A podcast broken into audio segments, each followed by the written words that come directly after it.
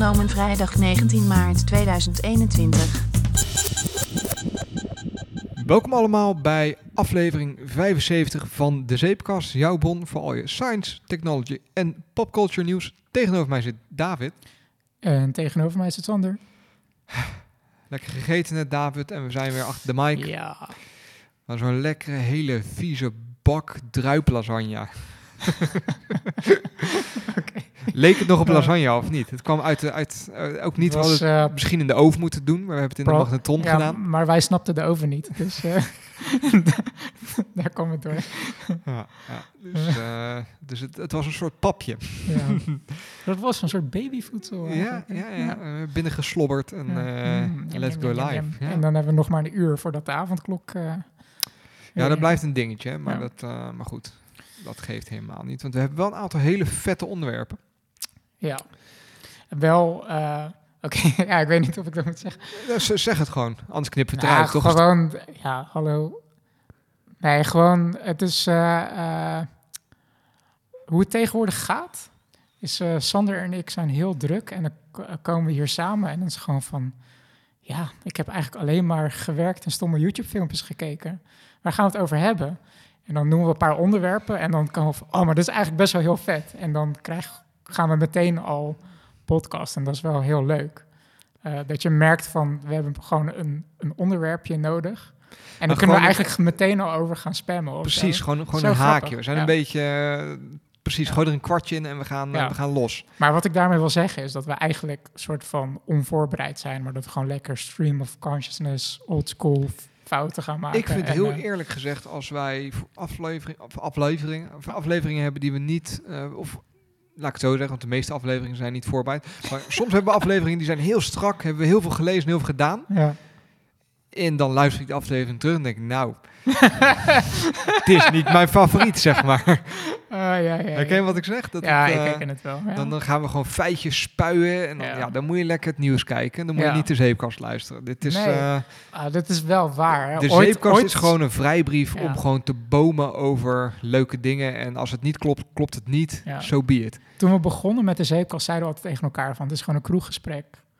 Eh, dus, ja, dus dit gaat weer gewoon een kroeggesprek worden. Dat, daar, dat wou ik gewoon even zeggen. Cafés zijn dicht, maar wij eh kennen nog steeds ons lol op. Ja, Ja.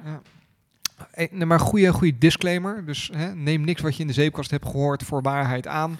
Laat je vooral inspireren. En Do your own research. Ja, ja, precies. Lach gewoon om, eh, om de bullshit. We maken tegenwoordig ook geen show notes meer. Dus je moet echt zelf gaan googlen naar de dingen die we hier Ja. vertellen. Ja. Weet je, actieve houding. en dan, eh, Zullen we er gewoon een clubhouse van maken? Fuck it. ja, ja, nee, dat, eh, dat gaan we niet doen. Ik had laatst wel mijn eerste clubhouse. Nou, oké. Ik heb mijn eerste clubhouse van anderhalf uur geluisterd op YouTube. Want die kon ik gewoon lekker soort van pauzeren en... eh, Precies, de ja. hele on-demand on -demand vibe van, Ja. van, van Clubhouse is niet Ja. voor jou. eh Nee, want dat was namelijk een clubhuis met... eh clubhuis. Clubhuis. we gaan het gewoon Clubhouse noemen. Ja, met eh, over eh, een aantal... me- eh, Zane Lowe, is een bekende Britse radio-dj... die Ja. op, Ja. volgens mij overgestapt is naar Apple. Apple One ook. Apple? One, ja. En ehm, nog een aantal Apple mensen, One, mensen uit de muziekindustrie. waaronder Todd Edwards, die face-to-face van Daft Punk heeft gezongen. Ging ze hebben over het uit elkaar gaan van Daft Punk. En ik vond het wel echt heel vet om te luisteren. En ik vond het sowieso bizar dat zo'n grote band, die band duo, Mhm. die gooit even een YouTube-filmpje eh, eh, Zullen- zullen we het online. Zullen we het daar gewoon even over hebben? Want ik Even weet, kort. nou, Even, vooral ja. jij. Ja. Ik ben ook echt fan van Punk, maar jij bent, eh, jij, jij, nou goed, als, als, als je Daft Punk groupies zou hebben, dan zou jij daar één van zijn, zeg maar. Punk heeft voor jou best wel een, Ja. een grote rol in je, je adolescente leven Ik denk, eh, eh, ja. Ja, het heeft wel... Het is, het is een van de eerste eh, muziekduo's die impact heeft gehad op mijn leven, ja.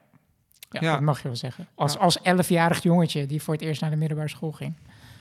Ja. Sommige jongetjes waren bezig met meisjes. Jij was bezig met Def Punk en muziek met, maken. met robots, ja, Ja, precies. ja. robots en blauwe aliens. Ja. Nou, ik moet heel eerlijk bekennen, ik ben pas echt later eh, echt een beetje fan geworden van Def Punk. Ik vond Discovery altijd een goed album. eh. Maar van of Random Access Memories ben ik het echt serieus gaan luisteren. En serieus gaan... Echt waar? Dus dat vind ik vrij laat. Dat Ja, is dat letterlijk hun, is ook laatste, hun laatste studioalbum. Ja, precies. Dat klopt. Ja. Maar daarvoor vond ik het leuk, maar had ik niet... eh, ik had geen albums van, laat ik het zo zeggen. Ik, ik, was, ik zat meer in die punk vibe. Met uh, Park en met... eh, Hey, Nou, punk, dat- punk, hè? Daft, punk. eh, hey, What? ja. Ik hoorde laatst op de... Weet je wa- hoe ze aan hun naam komen? Ik wou het net zeggen. Ja. Ik hoorde dat laatst op de radio. Dat het, eh, het staat ergens echt voor D-A-F-T, hè? Nee, da Daft is gewoon eh, ehm, een soort van niet meer hip woord in het Engels voor stom. Zeg maar van, oh, that's really daft. Oh, dat is echt, echt dom van je. Zeg maar. En eh, wat eigenlijk het originele verhaal is, is zij waren ooit eh, ehm, een, eh, een soort van Beatles-achtig surf Beach Boys rockbandje. Ja. Eh rock and roll bandje moet ik eigenlijk zeggen. En die br- brachten hun eerste demo uit. Ja. En dat had een Britse eh, ehm, eh, magazine op, opgepakt. Ja.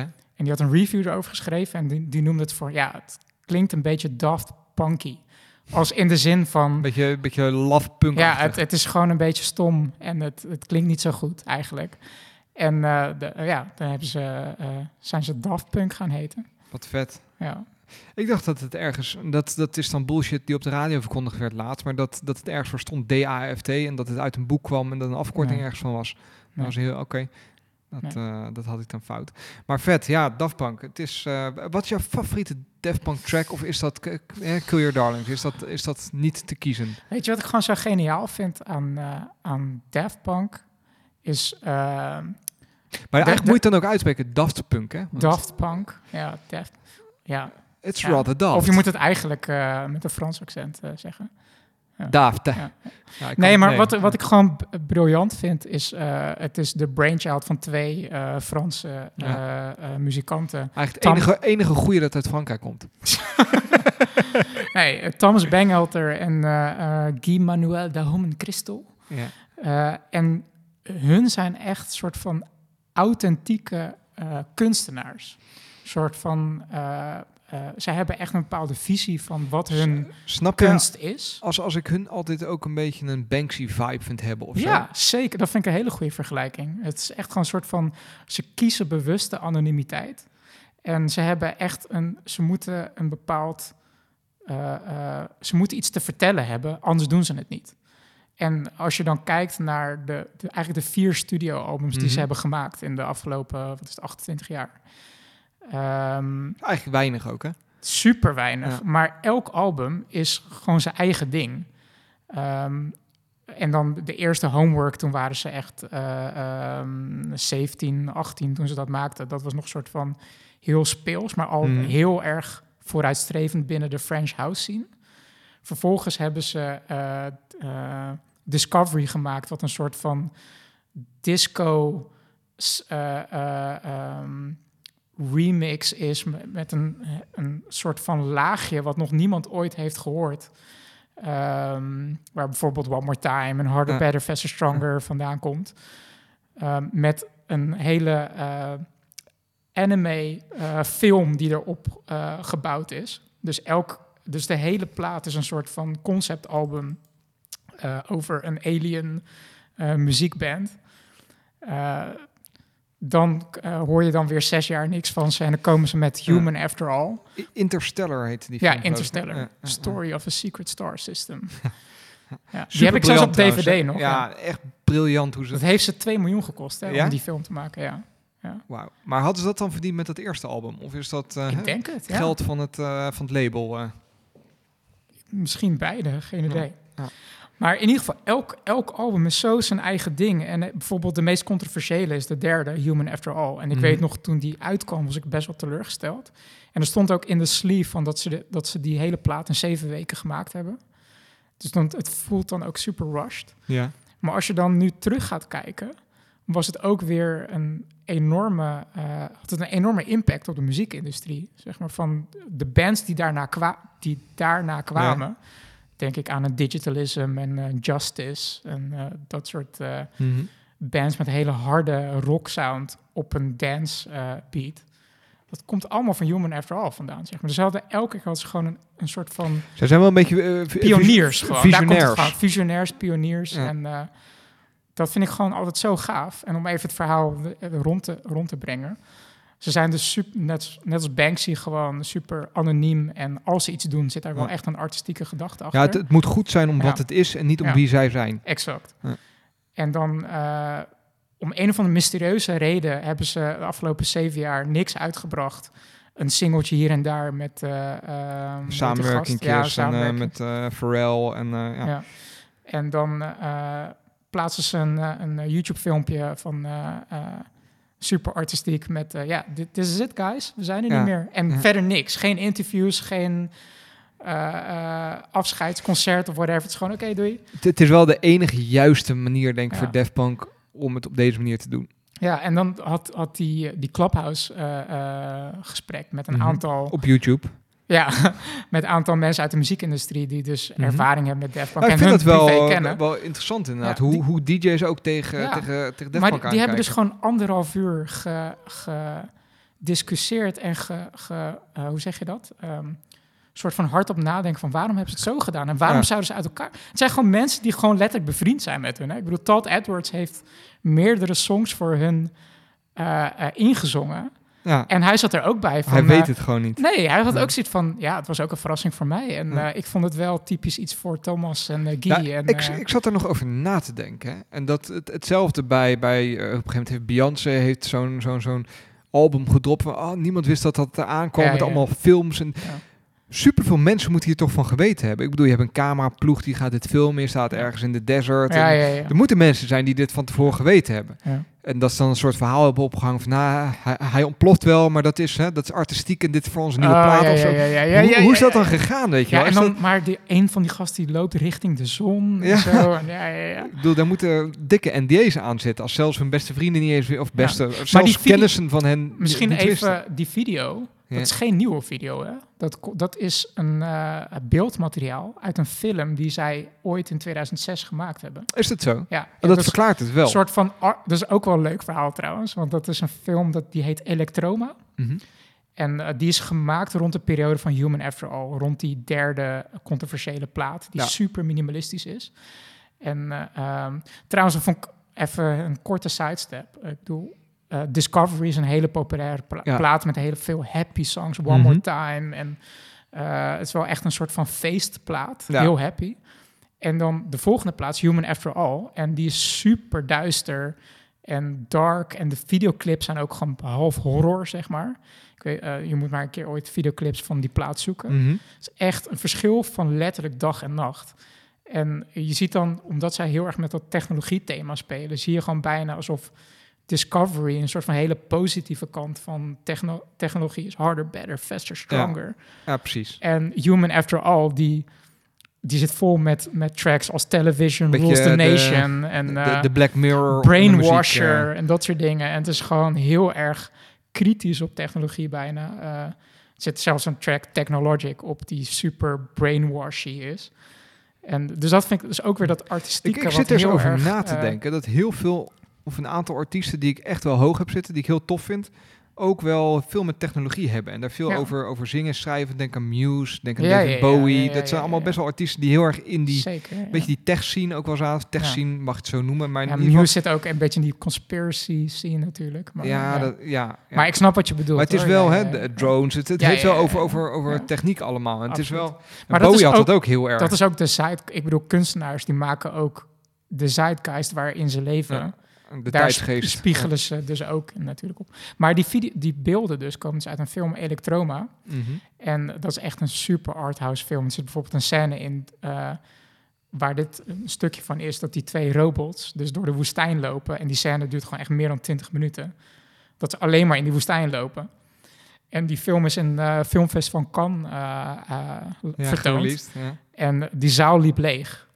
Ja, echt. Ja, mensen die liepen gewoon weg van... what the fuck is dit? Het is fucking saai. En, eh, maar het is, zo, het is gewoon minimal art gewoon. Het is gewoon zo ja, minimalistisch moderne kunst eigenlijk. In beeldformaat. Dus, maar daar, daar zijn die beelden van. Dus Ja. je hebt, het is gewoon recycled als het ware. Ja, nee, maar dan snap ik het eh, inderdaad. Anders dan, dan vroeg me inderdaad, hoe heb je dat gefixt? Ja, Dat ja, mensen het niet wisten. En. Maar ja, ik vind het wel jammer dat ze stoppen. Eh, aan de andere kant, eh, quit while you're winning. ja. ja, man. Ja. Tenminste, goed, zeg nooit nooit. Maar het zou heel moeilijk worden, denk ik, om de, de, de hype die rondom Random Access Memories, waarmee ze echt alles dat er te winnen viel, te winnen viel gewonnen hebben, om dat te gaan toppen.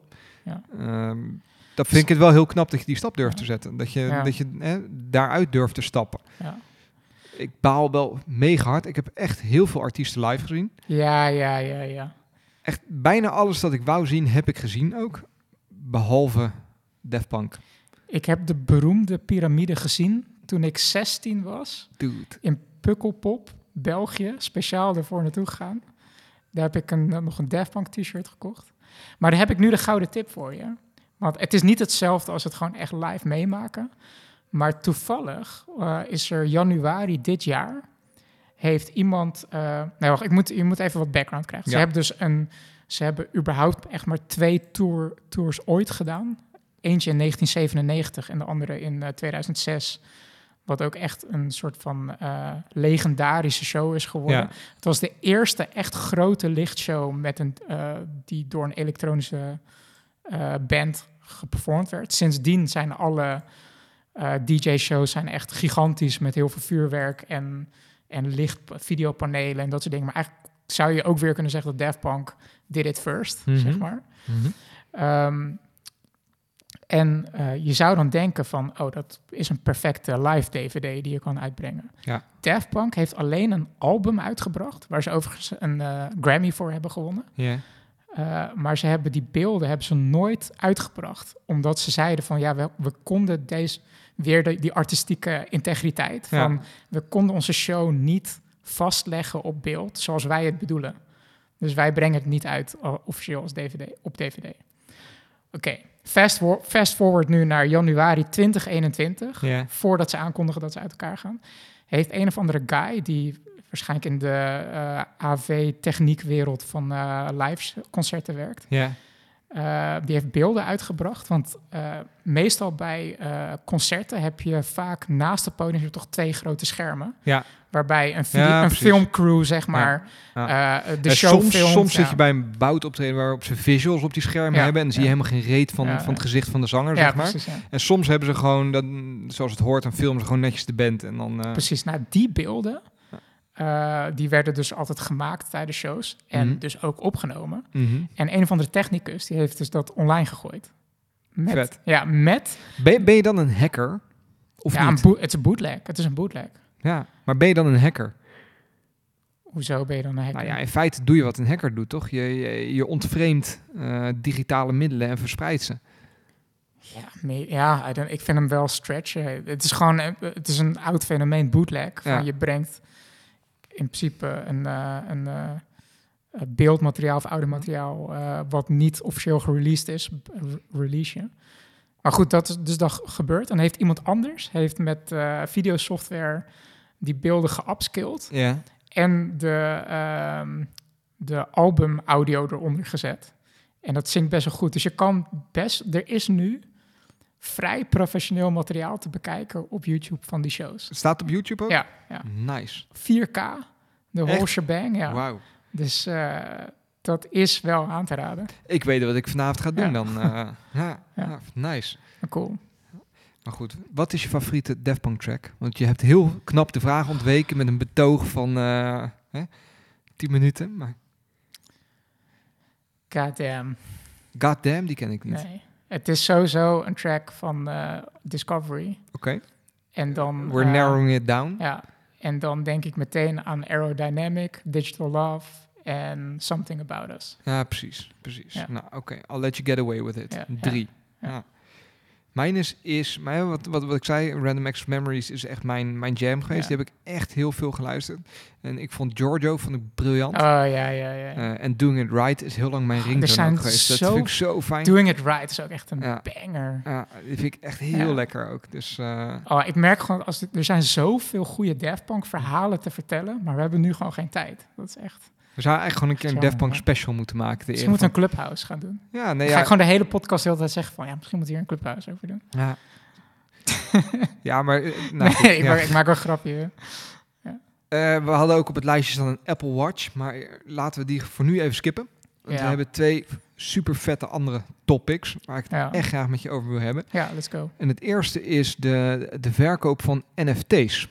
En Non-fungible tokens. Precies, precies. Ja. Ik heb het hier op mijn lijstje even opgeschreven, want dat ging ik echt vergeten. Het, het idee daarachter is dat je hè, digitale goederen kun je eh, eh, eigenlijk, of nou überhaupt, je kunt heel veel dingen kun je eindeloos kopiëren. En Mhm.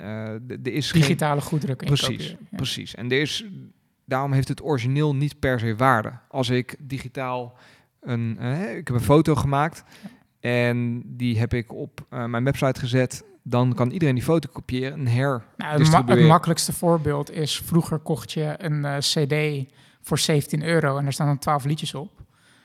Eh, en dan heb je die cd. Mhm. Dat is de officiële manier. De- je, je kan natuurlijk ook eh, Napster, Casa, Torrents, ga zo maar door.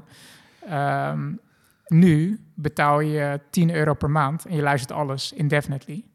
Nou, in welke periode verdienden muzikanten meer? In de LP, vinyl, CD-periode of in de Spotify-periode? Ik bedoel, dat, dat, is het hele, dat is de hele samenvatting van het. Een, een digitaal. ehm, eh, Product. een digitaal product kan je niet voor hetzelfde geld verkopen als een fysiek product. Waarom niet? Eh, eh, scarcity.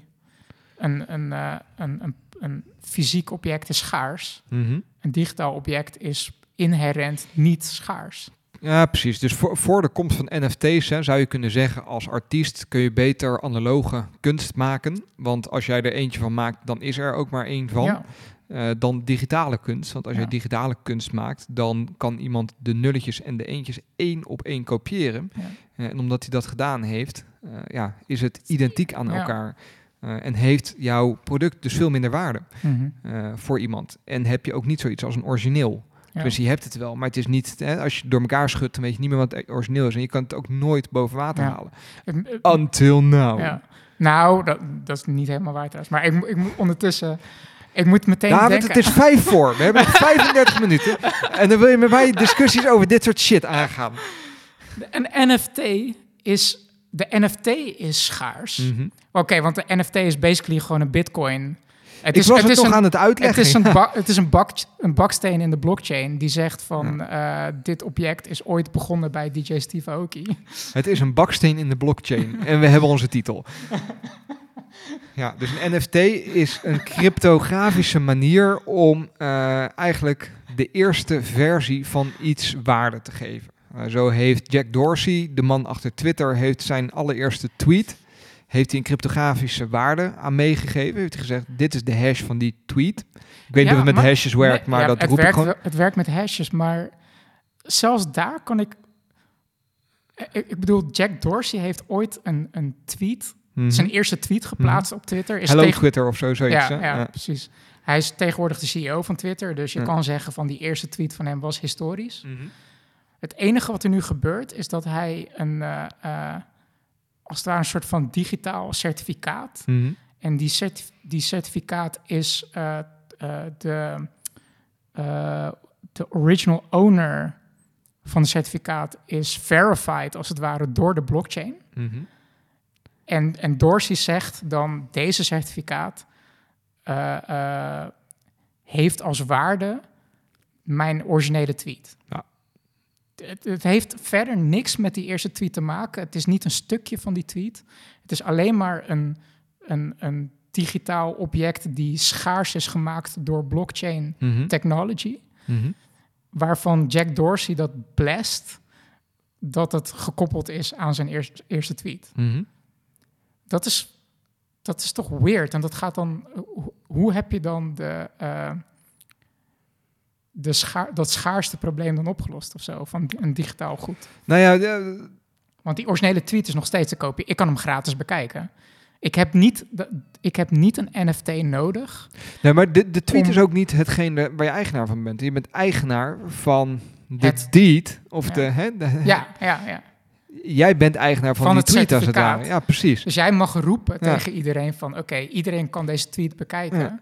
Of nee, een ander voorbeeld. Bijvoorbeeld Ik heb de Mona Lisa gekocht en ik heb het bonnetje van de Mona Lisa. Ja. Het bonnetje is bewijs dat hij echt van mij is. Dat is wat Jack Dorsey heeft verkocht. En iemand anders kan daar wel foto's van maken. Sterker nog, het kan Maar één op één hij- gekopieerd worden. Maar is hij van jou? Want eh, je, je- dat is dus ook het Ja. ding.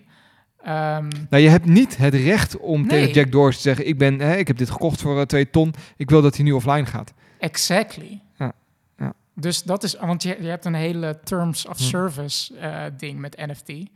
Die dus ook eh, dat soort, dit soort dingen covert. En Hm. hier komt een beetje de De- gebrek aan denk jij dat we een beetje helder hebben gemaakt wat een NFT is voor onze luisteraars die dat misschien nog niet wisten? Ik denk het wel. Hè? Dus een Ja, NFT is ja. puur een cryptografische manier om eigenaar te zijn van iets eh, in de digitale wereld. Dat Ja, niet te en- kopiëren valt. En e- eigenaar met een asterix, want je, je, je krijgt een soort van bragging rights.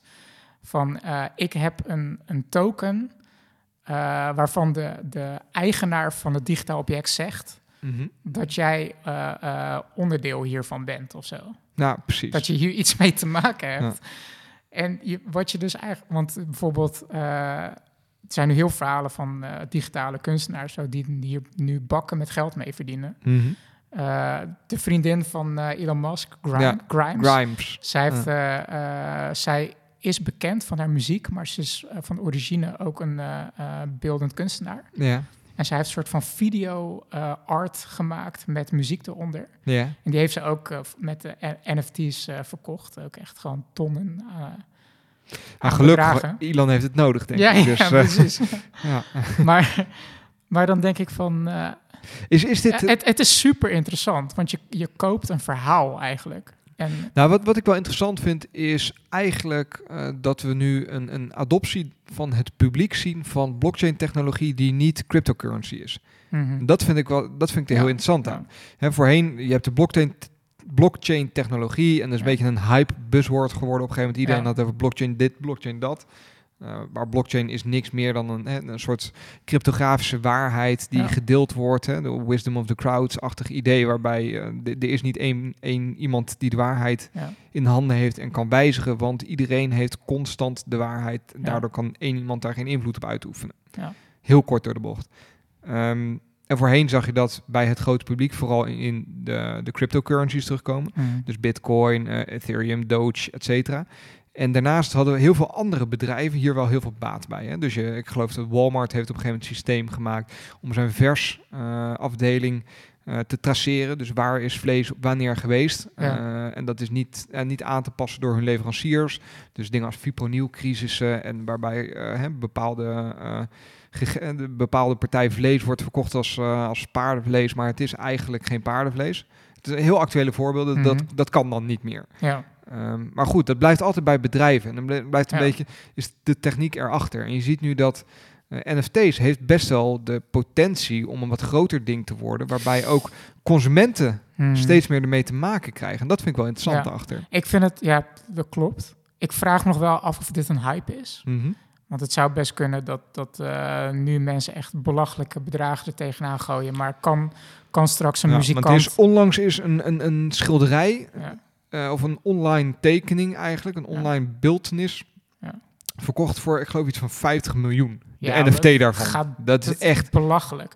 Maar wat ik dan interessanter zou vinden, is dat je bijvoorbeeld zegt van... eh, eh, neem even een voorbeeld, hè, gewoon een beginnend muzikant... Mhm. eh, die eh, ehm, zijn muziek staat op Spotify, verdient geen zak. Maar die zegt wel van eh, ehm, 100, ik, ik doe een limited edition, 100 eh, digitale tracks met Ja. 100 NFT's. En je, je bent gewoon de, je Ja, hebt de eerste 100 eh, kopieën van mijn mp3'tje of zo. En dat kan je bewijzen met deze NFT's. En jij steunt hier mij ook mee financieel Ja, bragging rights. bragging rights. Ja. En, als, en eh, over vijf jaar ben ik wereldberoemd. En dan kan jij zeggen van, I was there, man. Ik Ja. had die eerste, de eerste demo's heb ik gekocht. En hier heb ik de NFT's die het bewijzen. Toch wordt het ook weer een beetje een investeringsobject of zo. Hè? Ja, Je, je koopt dat ook met het risico van, nou, ik hoop dat ze groot worden, want dan heb ik iets in handen dat wel eens heel veel waard kan zijn of hè, waar, waarin ik heel veel status kan ontlenen. Ehm, en, en op, een, op een filosofisch level vind ik NFT's ook wel interessant. Want het is wel een soort van hele eh, letterlijke digitalisering van, Mhm. een, van een fenomeen waar, we, waar de mens eigenlijk al eh, millennia in zit. Dus dat de mens geïnteresseerd is in verhalen. Eh, en eh, bij de Vergecast was daar een, hele goed, een heel goed voorbeeld eh, van. Neem een, een polo, een t-shirt, kledingstuk. Het verhaal daar, daarbij Mhm. maakt uit van... eh behoorde het tot een, een belangrijk gerenommeerd persoon... dan is die t-shirt heel veel waard. Mhm. Was die t-shirt van Hitler... dan wilde niemand er wat mee te maken hebben. Nou, ik denk dat dat nu ook wel heel veel waard is. ja.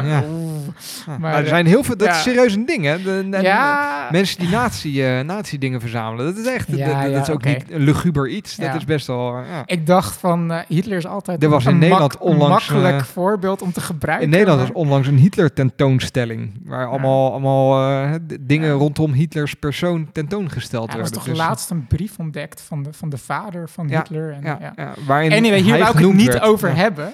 Ja. Het gaat Je hebt toch zo'n wet dat je altijd binnen zoveel argumenten, Of, de eerste die Hitler of de nazi's is- erbij haalt, die heeft verloren. Ja, dat is een internetdiscussiewet. Eh, ja, inderdaad. maar goed, eh, waar ik het over wil hebben is dat een verhaal bij een object, dat bepaalt de waarde. En, de, en daarvan is NFT een soort van letterlijke vertaling van.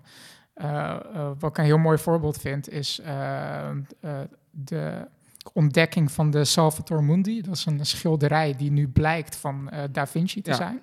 Maar dat schilderij is al honderden jaren bekend. En ook Mhm. bekend wie dat gehad heeft en zo. Eh, en zag er niet uit als een schilderij van Da Vinci. Maar het bleek dus dat door de jaren heen er ook g- slecht gerestaureerd is, eh, overheen geschilderd is. Zo, eh, dat is sowieso een grappig fenomeen in de schilderijen eh, wereld, zeg maar. Dat er ook gewoon eh, in het jaar eh, eh, 1600 gefotoshopt wordt of zo. De een of andere dame, Ja, een soort van, ja. die, die is dan origineel eh, geportretteerd zoals ze er echt uitzag. En dat op een gegeven moment iemand denkt van ja, eigenlijk is ze niet zo knap, is haar, haar neus te lang en eh, staan haar ogen te laag. En die gaan het dan retoucheren om het meer naar de schoonheidsideaalbeeld te brengen. Ja. En dat is dus met die Salvatore Mundi ook soort van gebeurd. Is helemaal geretouched en anders gemaakt naar de tijdsgeest. En daar, is op, er was heel veel discussie over. En daar hebben ze eh, eh, eh, heel veel onderzoek naar gedaan. met moderne technologieën, x-rays en zo. Volgens zien ze dat er dus wel degelijk een soort ander plaatje achter zit. Mhm. Want het is een soort portret van wat dus uiteindelijk Jezus blijkt te zijn. En hebben ze dat, al die lagen hebben ze eraf gehaald tot aan, het tot aan de originele laag. Mhm. En op een gegeven moment alle experts eh, mee bezig geweest en kwamen ze tot de co- conclusie dat het daadwerkelijk een Da Vinci was.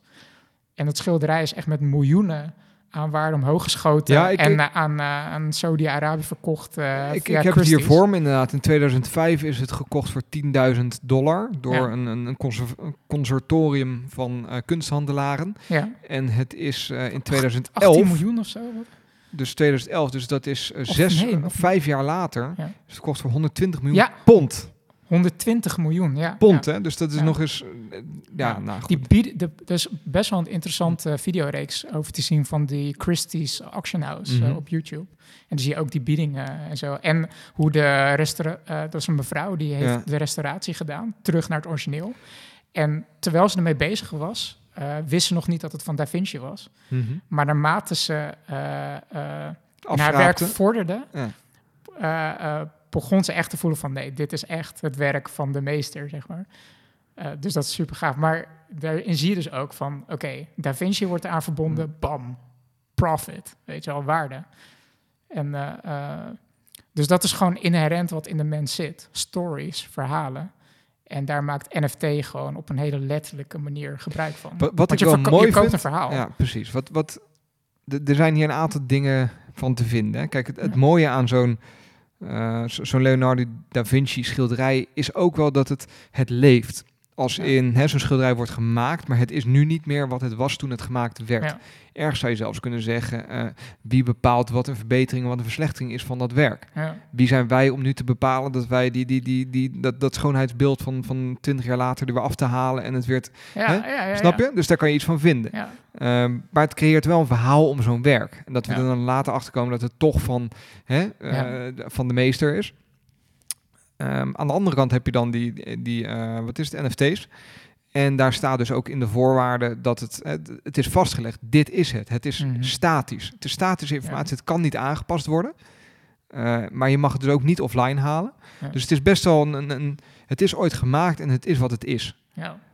Snap je? En wat wel kan, is dat er op een gegeven moment die NFT's aan zich eh, hè, spannende verhalen zich gaan afspelen. Van, dat je een verhaal krijgt van ja, eh, David die had de NFT van de eerste tweet van Jack Dorsey, maar Ja. die is toen op een gegeven moment aan zijn huis gehackt en toen is zijn NFT in de computer meegenomen en Ja, die is verstopt geweest en honderd jaar later hebben ze die NFT terug. Dat soort, maar dat is de enige manier waarop je een, een, een romantisch verhaal kunt Sowieso. creëren rondom Oh. een NFT. Over 500 jaar of zo krijg je sowieso digitale eh, archeologen. Die gewoon eh, oude servers tot leven wekken. En een soort van oude blockchains vinden. En, Dude, we Ja. moeten een keer een hoorspel maken Ja. over digitale archeologen. ja. 100 jaar in de toekomst, eh, waarbij eh, Fred, de digitale archeoloog, een, Fred, de digitale een heel oude floppy disk vindt. En Dit hoe wordt vet is dat? Ik zie het gelijk vorm, vorm krijgen in mijn hoofd. Dat, dat is een super bizar fenomeen. Daar heb ik nooit over nagedacht. Een digi- digitale archeoloog. Ja. Dat is, eh, voor dat, eh, ik, zo origineel ben ik niet. Het komt uit eh, Blue Remembered Earth, hè. Een van die karakters. Eh, Ah, dat is waar ook. Ja, Ja. ja, ja, ja. anyway. Wat, NFT's. ja NFT's. Ja, ik, ik, Over de toekomst gesproken. Bruggetje. Padoentsch. Over de toekomst gesproken. The future is now. Als in, wij worden ook een beetje oud. Eh, nee, dat is, dat is niet waar. Maar ik merk wel de laatste tijd. Ja, ja. Hè, ik, ik ben nu, het ben helemaal niet uit, ik ben 32, maar dat ik niet meer altijd helemaal de hype direct meekrijg. Snap wat ik bedoel? Voorheen was ik echt de, de eerste die ergens bij was. Maar tegenwoordig, als er dan iets nieuws is en dan heb ik dat ontdekt, dan ben ik er vroeg bij. Maar dan zijn er toch een beetje belegen dingen. Weet je wel, zoals, eh, hoe heet die app waar je het net over had? Eh, Wat? dat, Club- dat wat? Clubhouse. Ja, dat is wel een ding voor 32-jarigen, zeg maar. Dat is niet echt hip. Snap wat ik bedoel? Ja. Maar de jeugd die is met heel andere shit bezig. En Ja. dat krijg ik vaak. Nee, maar serieus, Ja, ja, dat krijg ik vaak helemaal niet mee. Ik, En- heb, ik heb nog nooit TikTok op mijn telefoon Nee, geïnstalleerd. maar s- bijvoorbeeld. snap je? Snap je? En daar merk je dat je toch, eh, toch ouder wordt of zo. En eh, hoe, hoe erg je ook voorneemt om dat niet te worden. eh, je mist wel shit. En zo had ik dit fenomeen compleet gemist tot jij mij erop wees. Ik ben wel hip, Sander. Terwijl ik het... Ja, je bent super hip. Echt. Ex, extreme hippie. Lekker. Ja, ja. Terwijl dit wel echt iets is wat ik tof vind. Ook wel een beetje. Hè. Ik, ik merkte wel, we gaan het gewoon introduceren. Eh. Het fenomeen VTubers. Waarin, de, dus je hebt YouTubers, maar tegenwoordig heb je VTubers. En dat is VTubers. En waar staat de V dan voor? Ik heb geen idee. Ik, Ik denk virtual. denk ook. dus denk virtuele tubers. Ja. Eh, Deze aflevering heeft zoveel potentiële titels. Het is echt niet normaal. Maar virtuele tubers. Ja. Het hele idee daarachter is, hè, waar voorheen hadden we van die eh, mooie pakken, die trok je aan en dan kon je Gollum spelen in The Lord of the Oh, Rings. ik weet niet of iedereen dit snapt. Ja, Nee, hè, de, The Lord of the Rings, Gollum, die bestaat niet echt. Dat is een Ja. acteur, die heeft een soort Ah, groen pak aangedaan. Of een, No. een pak met een, met een groen scherm achter hem. En dan konden al zijn bewegingen, motion tracking, konden in beeld gebracht worden en omgezet worden naar het beeld dat wij kennen als Gollum. ik dacht dat Column echt was. Fresh! Shattered. Ja. Ja, ja. Mo- mocap suits. Ja. Mocap suits. Motion capture suits. Die techniek wordt ook steeds toegankelijker. En je ziet nu dat eh, dat hè, trickled down, of dat, dat heeft zijn weg ook gevonden naar streamers. Dus eh, eigenlijk in de, de, de eindeloze zoektocht naar vernieuwing eh, en ook vooral meer donaties op Twitch. Money. Ja, zo is het toch. Zijn er nu een aantal, aantal vooral Twitch-streamers, daar is volgens mij het, het fenomeen redelijk tot leven gekomen, die zo'n pak hebben aangetrokken. En die eigenlijk, wat jij ziet daar zo, is gewoon een soort digitaal beeld, vaak van een beetje anime-achtige dames met Mhm. eh, rondborstige eh, Mhm. avatars die daar aan het streamen zijn. Girls is profit. Ja, precies, waar jij naar zit te kijken. Twitch. Ja, ja. Ehm, toen ik dat hoorde, dacht ik in eerste instantie, nou, vond ik het een beetje, ik, ik weet niet, een beetje sneu of zo. Snap Ja. wat ik bedoel? Want je hoorde het letterlijk een uur geleden voor mij. Je had onlangs had je die, die chick die haar eigen badwater heeft verkocht voor heel veel geld. Oh ja, ja, ja. Ik, ik vind het heel erg dat ik meteen weet over wie het Ik, hebt. ik weet Bel, niet hoe ze heet. Bel Delphine. Ja. Die.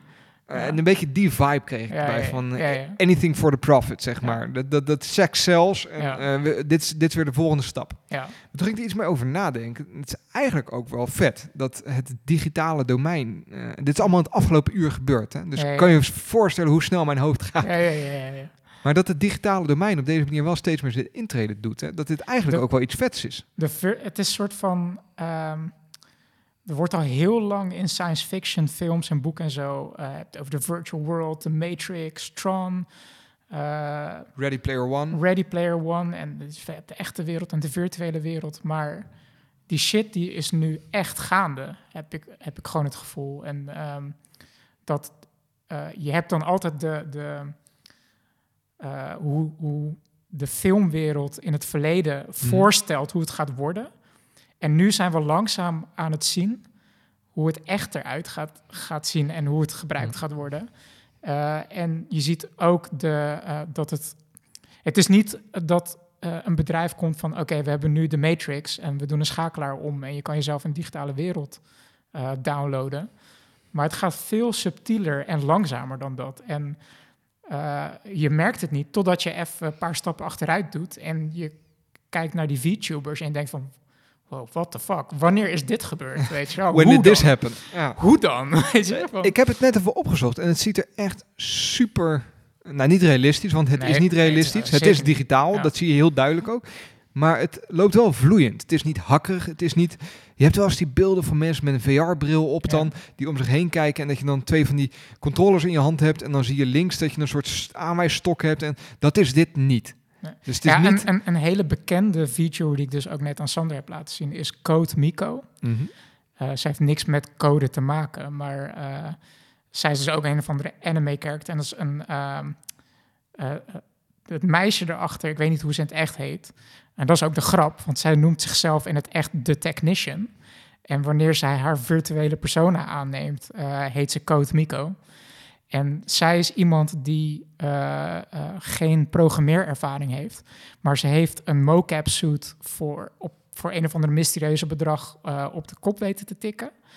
En de software eromheen heeft ze gewoon van GitHub en open source overal vandaan getrokken. Mhm.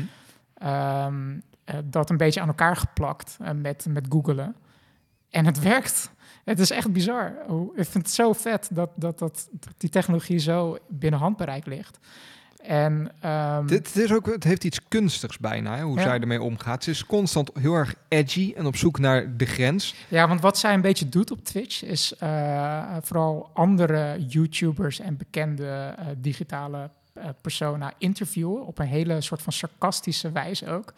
En zij zit in een soort van Sims eh, donkere studio. En op, terwijl ze mensen het interviewen is, zie je op het scherm een aantal ehm, opties waar je voor kan kiezen als je aan het kijken bent. Want hoe het in Twitch waar, je- werkt... waar je voor kunt betalen. Ja, dat wou ik net zeggen. Want als je, hoe Twitch werkt, is dat je dus... eh, je kan bits doneren en je kan eh, subscri- subscriptions kopen. Het is basically gewoon verschillende levels van geld geven aan, Ah. de, aan de channel. Eh, en dan heeft ze een soort van menulijstje van... Oké, als je nu 50 bits doneert, dan eh, eh, wordt mijn hoofd groter. Of als jij nu 100 bits doneert, dan vallen er allemaal ragdoll lichamen op mijn bureau tijdens het interview. en de meest extreme ding is dat ze opeens gewoon ontploft of verandert in een haai of dat soort dingen. En eh, ehm, de, in- degene die geïnterviewd wordt, die moet daar dan gewoon mee dealen. Van oké, wat de fuck gebeurt hier? Maar oké, en zij gaat gewoon door alsof er niks aan de hand is. En ze probeert die interview in goede banen te leiden. Het is echt bizar en zo goed bedacht ergens. Ik vind het, ja, het is En gewoon... het levert mega veel geld op waarschijnlijk. Ik denk dat zij Ja, best wel eh, een, leuke boterham van kan smeren. Ja, Ze is al meerdere keren geband hè, door Twitch, omdat ze net te, Omdat ze te, veel, de eh, grenzen opzocht of zo. Maar ja. Ja, vet. Ja, ik, ik, ik, eh, je moet het even snappen. Je moet denk ik dieper kijken dan alleen het, het een beetje het, het, het sekselslaagje dat er, dat er overheen hangt. Maar dan, eh, ja, dan is het Ja. best wel een tof, eh, Nee, tof fenomeen. ja, precies. En eigenlijk wat ik dus ook net zei, van het is, het is nu gaande. En eh, ehm, het, ik realiseerde me dus gewoon laatst van hoe snel je gewend raakt aan technologie. Eh, eh, en dat het dus gewoon de hele tijd binnencreept. Nou, Maar dus dat je eigenlijk helemaal niet doorhebt wat voor Ja, grote precies. sprongen er gemaakt worden. ja, en dat, dat is misschien als je science En- fiction leest, dan ben je in één klap, eh, wat is het, 100 jaar in de toekomst. Terwijl je bent in het echt niet in één klap 100 jaar in de toekomst, maar je glijdt er langzaamaan naartoe. En dat is, ja, dat is misschien wel wat jij wil zeggen. Ja. David zit me ondertussen allemaal heel subtiele seintjes te geven over nog één laatste onderwerp dat we, eh, dat we misschien wel, wel- kunnen behandelen. Binnen de VTuber-wereld. Precies. Ja. Dit verhaal, dat is echt, dat, dat, nou goed, het is wel een beetje weird. Maar het is zo sick gewoon. Dit, dit is typisch zo'n AD-kop, weet je wel. Dat, dat, dat was dus je? Ja. een, een, een, een Instagram model in Japan, only in Japan, zeg maar. Eh, en op zich best wel een knappe verschijning. eh, Een eh, dame met een Een, motor. een jonge dame die, die op een motor en allemaal, allemaal leuke kiekjes schoot en daar heel veel, heel veel volgers mee, mee kreeg. Ja. Totdat iemand eens even heel goed naar die foto's ging kijken. en in de weerspiegeling, in een van de zijspiegels die op een van die foto's hangt, ziet dat er heel iemand anders daar zo die foto staat te maken. Ja, En dat dat een guy is, want ik denk een jaar of 60, ja 50. Ja. 50, Maar, die gewoon toevallig wel heel mooi haar heeft, ja, inderdaad. maar helemaal niet zo eruit ziet. Mensen die nu luisteren denken van waar gaat het verhaal naartoe? Ik Ja. snap het niet. Dus het blijkt dat die chick die jij op al die foto's ziet op dat Instagram-kanaal, hoe heet het kanaal? Want dan kunnen we misschien ook weet- even... het, even- is, eh, het is allemaal Japans, dus ik kan het je moeilijk... Eh, wacht. Hey. Oh ja, het, het, het is een Twitter-account Ja. en het heet Azusaga Kuyuki. Naam. Kuyuki. Ja, het is echt geweldig. En waar, op welke, welke nieuwstitel moet je googlen om dit eh, artikel te vinden dat je nu voor je neus hebt? Dit is zo makkelijk, dan hoeven we nooit meer, Ja. nooit meer show notes te schrijven. Young female Japanese biker is really 50-year-old man with luscious hair using face app. Als je dat in Google... Maar er is dus een, een guy in Japan met luscious hair. En Mhm. Ja. die, die houdt van motorrijden. Die dacht van, ehm, ik wil mijn eh, reizen op de motor wil ik eh, fotograferen en twitteren. Maar ik wil ook wel lekker wat volgers pompen. Waar houden mensen van? Eh, ja, niet van een man van 50, maar gewoon knappe, knappe vrouwen. Dus dan gebruikt hij dus Face App Ja. om van zichzelf een knappe jonge dame te maken op zijn account. Wauw. En ik moet zeggen, als je die foto's kijkt, Het is best wel goed gelukt. het- ja. je, ziet, je ziet het bijna niet dat het eigenlijk fake is. Ja. En het is dus gewoon per toeval ontdekt door een tv-programma. Die dus die reflectie zag ergens van, hé, hey, dit klopt niet. En ze hebben ze die mannen dus ook opgezocht. En die heeft dus gewoon gezegd van, ja, ik wou gewoon volgers hebben. Dus, maar dan zie je dus ook weer van die technology, dus ook weer in die VTube- VTuber-wereld, Mhm. waarin het is nu gewoon heel makkelijk zo'n virtuele persona aan te nemen. Het is gewoon een gast met een motor die dus ook gewoon, ja, face-app free, die kan dus gewoon technologie van de Gewoon plank afpakken. Toegankelijke technologie, ja, precies. Om dus een compleet andere realiteit voor zichzelf te bouwen. Hm. Ik vind het zo gestoord. Ja, je, je ziet het nu steeds meer. En de, de, de, de, de mainstream media, MSM. nee, maar die, die duiken wel steeds meer op het fenomeen face swap en deepfakes. En, eh, terwijl dat Ja. is er volgens mij al een tijdje, maar dat, is wel, dat, dat gaat een grote rol spelen. Ehm, en daar, nou, dat, dat is hier wel aan geleerd. Terwijl ik het Ja. nu voor de rest niet over hebben, want dan zijn we niet voor negen uur thuis. Maar daar kun je best wel een interessante discussie Ja. over hebben. Eh, Ja, kijk, dit is dan een redelijk onschuldig voorbeeld waar ik gewoon precies. heel hard om moet lachen. ja, Maar het is wel weer zo'n crazy voorbeeld van, eh, ja, we echt? leven wel echt in 2021. zeg. Precies, hoe echt dit soort dingen Ja. eruit kunnen zien. Hoeveel, eh, het is ook echt niet eh, dat, dat er drie man ingetrapt zijn. Dus je ziet het echt niet meer. Het is echt wel, eh, echt Ja. wel next level gedaan. Ja, Ja, ik vond het gewoon echt heel grappig. ik vind hem ook wel heel leuk. Ja. En eh, ja, ja, Zullen, we, ja. zullen we hem hier gaan afsluiten? Want dan zijn we nog een beetje op tijd thuis. Dan krijgen we geen avondklokboetes. we waren een beetje iets te laat begonnen. Ja, Nou zo, is toch een leuke aflevering geworden zo. Dat is prima. ja, ja. Lieve luisteraars, eh, bedankt voor het luisteren. Het is een eh, iets korter dan normale aflevering. We hebben het lekker kort en bondig gehouden. Ik hoop dat je het leuk vond. Als je het leuk vond, kun je eh, je waardering op een aantal manieren aan ons tonen. Dat kan door vooral heel hard te roepen hoe leuk we wel niet zijn met de zeepkast. Nou, je vrienden en je familie en je buurman. Je kan ook eens kijken op Patreon. Daar hebben we een pagina. En als je het leuk vindt wat we doen, dan kun je ons eh, daar met een dollar per aflevering of hè, misschien Of wel twee kan- dollar. Of je kan de NFT-token van eh, deze aflevering kopen. Ja. Zullen we dat eens uitzoeken? Nee, dat gaan we niet doen. Nee, nee, nee. Ja, Nee. Of, of wel. Lieve luisteraar, bedankt voor het luisteren. Live long and prosper. Ciao.